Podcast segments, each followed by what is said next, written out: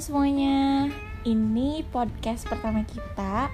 Kenalin nama aku Salsa Nabila dan Ayunda Ayunda aja. nah, em, kamu kalian ataupun yang ngedengerin atau kamu suka gabut gitu nggak sih? Terus ngapain? kalau aku sih lebih sering nonton film kalau nggak dengerin musik kalau kamu ngapain Kalau aku masak, liatin orang kesurupan, jurnalisa. Dengar lagu juga sih sama. kalau kamu suka lagu kayak gimana sih Aku sukanya lebih ke pop indie mungkin ya. Indonesia tapi Hmm, bedanya pop sama indie Indonesia itu kayak gimana gimana ya? Aku bingung juga sih ngejelasinnya, tapi mungkin aku tuh sukanya kayak musik-musik yang agak slow gitu kayak mellow, kalem, nggak nggak metal gitu kan. Nah, contohnya misalnya yang suka aku dengerin kayak Danila, Efek Rumah Kaca, terus kalau popnya mungkin Ketulus, ya yang lagi hits hits sekarang sekarang lah. Kalau misalnya kamu sukanya yang gimana Yun? Eh, aku sih lebih suka yang musik-musik yang nggak sopan gitu ya kalau masuk telinga yang nggak sopan lah kayak K-pop misalnya yang eh, bikin jadi pengen ngedance gitu kan padahal nggak bisa ya kayak gitulah yang rame pokoknya Terus kamu suka ngedance itu di kosan? kan itu tuh eh, hawa-hawanya tuh kan pengen nggak bisa diem kalau denger-denger musik K-pop tuh. iya betul betul cuma enggak sih kalau sendiri kayak ngerasa gila aja gitu ya ngedance sendiri gitu. Terus biasanya kamu suka denger siapa? Hmm, kalau aku sih sekarang lagi suka denger siapa ya? BTS kah? Enggak enggak, aku lagi denger K-pop yang slow gitu juga sih musiknya kayak band eh, terus Hyuko, Taeyeon gitu-gitu. Yang biasanya kadang suka jadi soundtrack di drama Korea gitu gak sih? Iya betul Yang betul, yang solois gitu. solois gitu. Kalau grup kan terlalu barbar gitu ya. Terus kalau yang jadi backsound itu eh, siapa sih? Yang di tentara-tentara itu apa sih Yun? This Cannon of the Sun. Heeh. Oh, itu juga penyanyi solo yang jadi soundtrack soundtrack. iya penyanyi solo. Kalau kamu, kenapa sih alasan kamu lebih suka indie Indonesia daripada kan kalau setahu aku ya kamu jarang banget dengerin lagu kayak lagunya Adele, lagunya Justin Bieber gitu kan Iya. kamu jarang banget ya. Kenapa gitu? Karena menurut aku nih ya eh, genre indie tuh biasanya kata-katanya puitis dan kayak lebih kena aja gitu sih. Dan biasanya tuh musik-musik indie itu kan awalnya tuh setahu aku kalau nggak salah dulu-dulu tuh jarang ada di Jux biasanya biasanya dia tuh kan ngeproduksi sendiri gitu kan nah biasanya tuh ada di YouTube ataupun kalau dulu SoundCloud inget gak sih Iya di benar-benar. situ kan nah, aku dulu dulu Kalau nggak di forcer situ. gitu ya. iya Download ilegal. tuh ya Terus, terus. balik lagi balik lagi terus iya dari situ suka aja jadi ya liriknya jenisnya gitar gitu-gitu udahlah enak banget lah menurut aku Hmm. terus kamu kenapa suka musik K-pop Eh, pertama sih karena drakor ya nonton drakor terus lama-lama kayak ih grupnya ternyata ada bagus-bagus juga dari dance-nya suaranya lebih ke suara sih kalau aku. Kalau aku nih ya misalnya nonton event-event indie atau pop itu kan banyak banget nih di Indonesia. Ya apalagi di Bandung di Jakarta ya banyak banget. Contohnya event yang pernah aku datengin itu kayak Atma Asta Steroid pernah. Terus ya banyak sih kalau di Bandung. Nah kalau misalnya biasanya event-event K-pop itu di mana sih Yun? kalau event K-pop itu terpusat semuanya di Jakarta semua di BSD sih lebih tepatnya. Di ICE biasanya ICE BSD Mhm. itu biasanya bukan event sih konser solonya. Misalnya artisnya ngadain konser nih konser pertama misalnya nah mereka bakal bagi ada konser dunia ada konser Asia. Bukan biasanya dunia sama akhirat. Lanjut.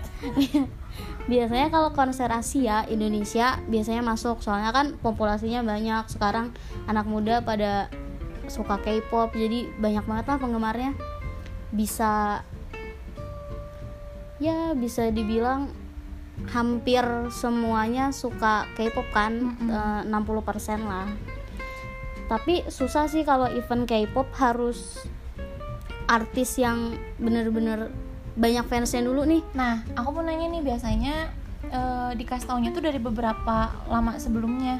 Kan kalau di kita mah ya di Bandung mah tiga hari sebelumnya aja udah pasti eh, gimana ya, udah pasti rame tuh kan. Nah, kalau misalnya K-pop tuh taunya biasanya dari mana, terus berapa lama sebelumnya diumuminnya kalau mereka mau konser. Kalau K-pop, kalau yang zaman dulu ya misalnya dari 2016 ke bawah, 2016, 2015 itu biasanya enam bulan, enam bulan atau tujuh bulan sebelum konser biasanya si promotor bakal ngumumin kita bakal bawa artis ini, misalnya SNSD, Mm-mm. kita bakal bawa SNSD nih bulan Jun bulan Juni misalnya tapi kita udah ngumumin dari Desember nah tiga bulan setelah pengumuman biasanya tiketing jadi ada jeda waktu buat si penggemar Ngumpulin duit, Mm-mm, karena ya. kan tahu lah nyampe Ah, ah, berapa harganya. kan nyampe juta-jutaan Terus gitu. kalau sistem tiketnya itu biasanya sehari ludes gitu atau ada eh, kan kalau di kita tuh kan biasanya presale satu, presale dua Mm-mm. sama juga kayak gitu. kalau di K-pop enggak sih. Bahkan kemarin aja EXO berapa menit doang udah langsung habis. Banyak banget yang nggak kebagian. Karena penggemarnya kan emang banyak ya. Kalau penggemarnya banyak banget nggak nyampe setengah hari dah pasti habis. Kadang banyak juga nggak sih? Misalnya eh, fans-fans dari Malaysia yang misalnya mereka tuh ada eh, event di Indonesia nih. Dari luar juga kadang banyak nggak sih yang ke sini? banyak banget. Bahkan dari Korea aja pada datang Berarti rebutannya bukan se Indonesia doang ya?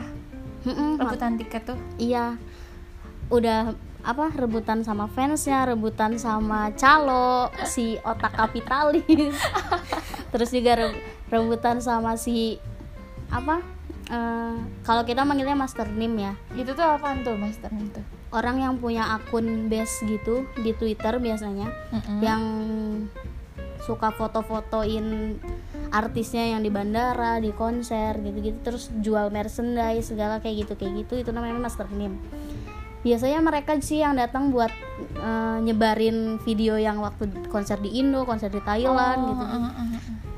Nah, kalau di kalau di Indonesia kan aku jarang ya nonton event kayak gitu biasanya kalau sama kamu kan pasti kamu yang Ajak. yang beliin gitu kan aku tahu datang aja pokoknya Uh-uh. kalau kayak gitu tuh biasanya tempat sama tiketnya tuh kayak gimana Jadi eh, biasanya tuh tergantung kalau misalnya eventnya outdoor.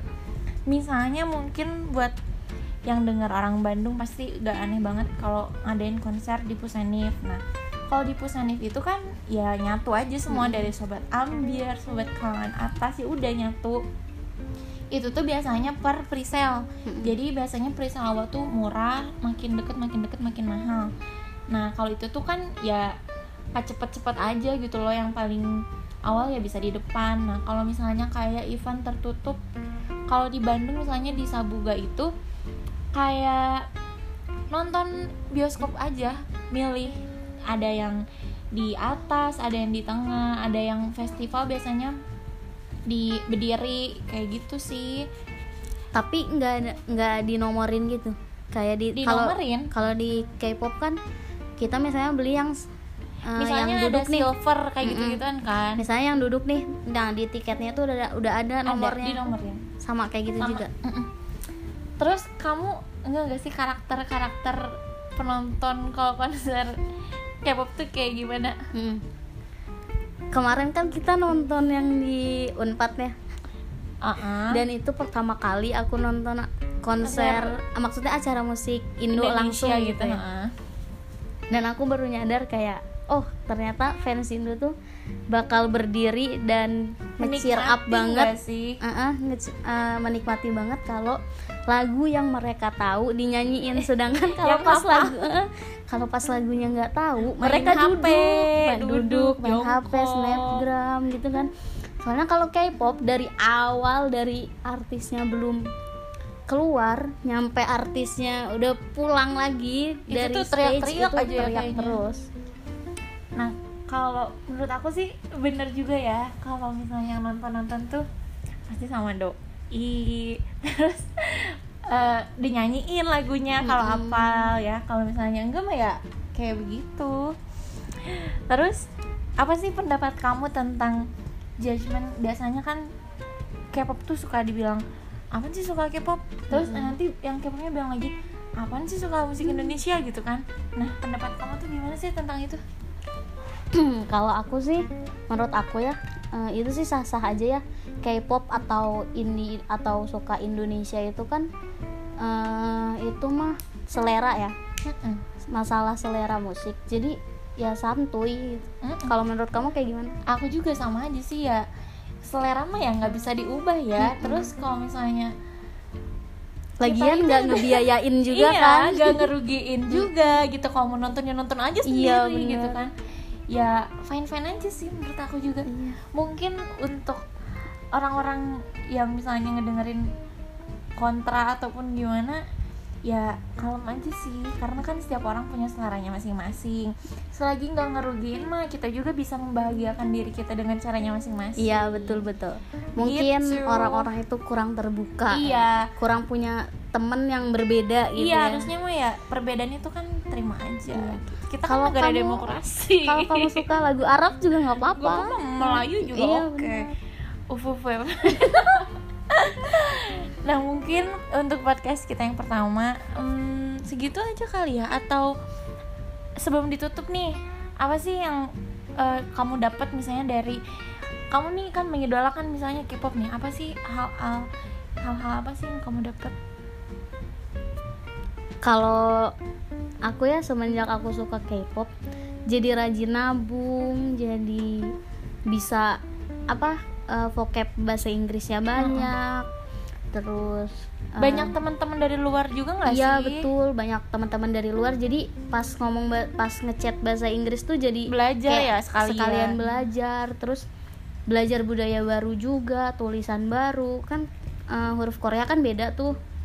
Mm-mm. ya banyak sih kayak gitu. Kalau kamu? Kalau aku mungkin eh, lebih ke apa ya musik itu bukan tentang cinta doang kali ya. Kalau di Indo tuh kan kebanyakan bisa ngebahas tentang lingkungan misalnya tentang negara aja bahkan dibahas gitu kan. Dari situ eh, belajar kosakata banyak juga kata-kata yang puitis dan ya banyak sih sebenarnya. Kalau kita kan belajar tuh dari mana aja ya dan ternyata dari musik ataupun genre hobi lagu yang kita dengerin juga bisa dapet sesuatu kan, pelajaran ah, gitu jadi intinya. Apa tuh? In- intinya kita itu harus bisa menerima perbedaan apa pun eh, seleranya genre musiknya ya enjoy aja lah selagi betul betul. ini mah. Dan buat orang-orang yang ngomong kayak ngapain sih nonton konser musik? Nanti juga di TV ada nanti juga ditayangin. Rasain sendiri Uh-uh. gimana tuh sensasinya. Itu tuh kayak kalian ngomong ke orang yang suka mancing ngomong kayak ngapain sih mancing? Kan ada ikan di pasar tinggal beli. Itu tuh kayak eh, kamu tuh nggak ngerasain Iya, gimana bener, bener, bener aslinya, banget. ya nggak? Ah ah, bener. Nah mungkin gitu aja kali ya podcast kita sekarang dan em, selanjutnya kita bakal bahas lagi em, yang menarik. Pokoknya jangan lupa dengerin dan follow instagram kita. Nggak usah deh nggak usah. Akhir kata bye bye. bye